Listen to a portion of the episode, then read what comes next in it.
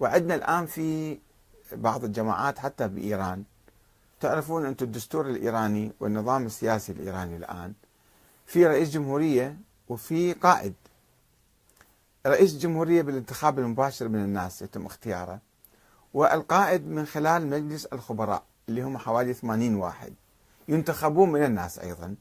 فيجلسون بعد وفاة أي إمام سابق أو هم يقررون مثلا يعزلون ذاك الإمام يريدون ينتخبون واحد جديد وهم يراقبون الإمام ومن مهمتهم محاسبته أيضا ويشوفون يتمتع بالصفات العقلية أو بالكفاءة والإدارة أو لا دائما كل ستة أشهر يجلسون جلسة ويحددون يعني يقومون بتقييم دور القائد.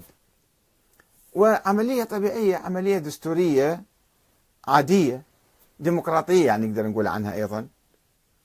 هناك بعض الناس وأنا سمعت بعض المشايخ يقولون لا العملية مو أنه بهذا الظاهر مالها.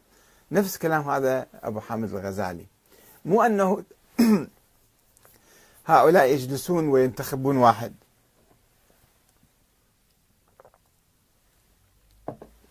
إنما هناك يد الغيب. هناك يد الإمام المهدي من وراء ذلك. وبالتالي هذا مو انتخاب. هذا إنما هو آه، تعرف يتعرفون على القائد. مو أنهم ينتخبون القائد. هم يكتشفون القائد. يجلسون فيكتشفون يعني محاولة أيضا لإضفاء طابع غيبي على آه، طبعا هذا أنا ما سمعته من السيد الخامنئي لا يقول ذلك. ولا أحد من الخبراء مجلس الخبراء يقول ذلك. ولكن بعض المشايخ يمكن مصباح زادة أو بعض الشيوخ اللي في قوم يحاولون يضفون طابع غيبي وإلهي وأن الإمام المهدي وراء العملية حتى يعطوه صفة قدسية وهالة دينية. وهو عملي عملا هو آه، عمل انتخابي بالشورى وبالديمقراطية وبالانتخاب يتم انتخاب الإمام.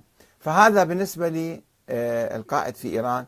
ونفس الشيء هناك من يحاول أنا تعجبت من القدر الكبير من المشايخ اللي يؤمنون بهذه الفكرة ويحاولون يروجوها من دون دراسة من دون تحقيق من دون بحث من دون أي شيء.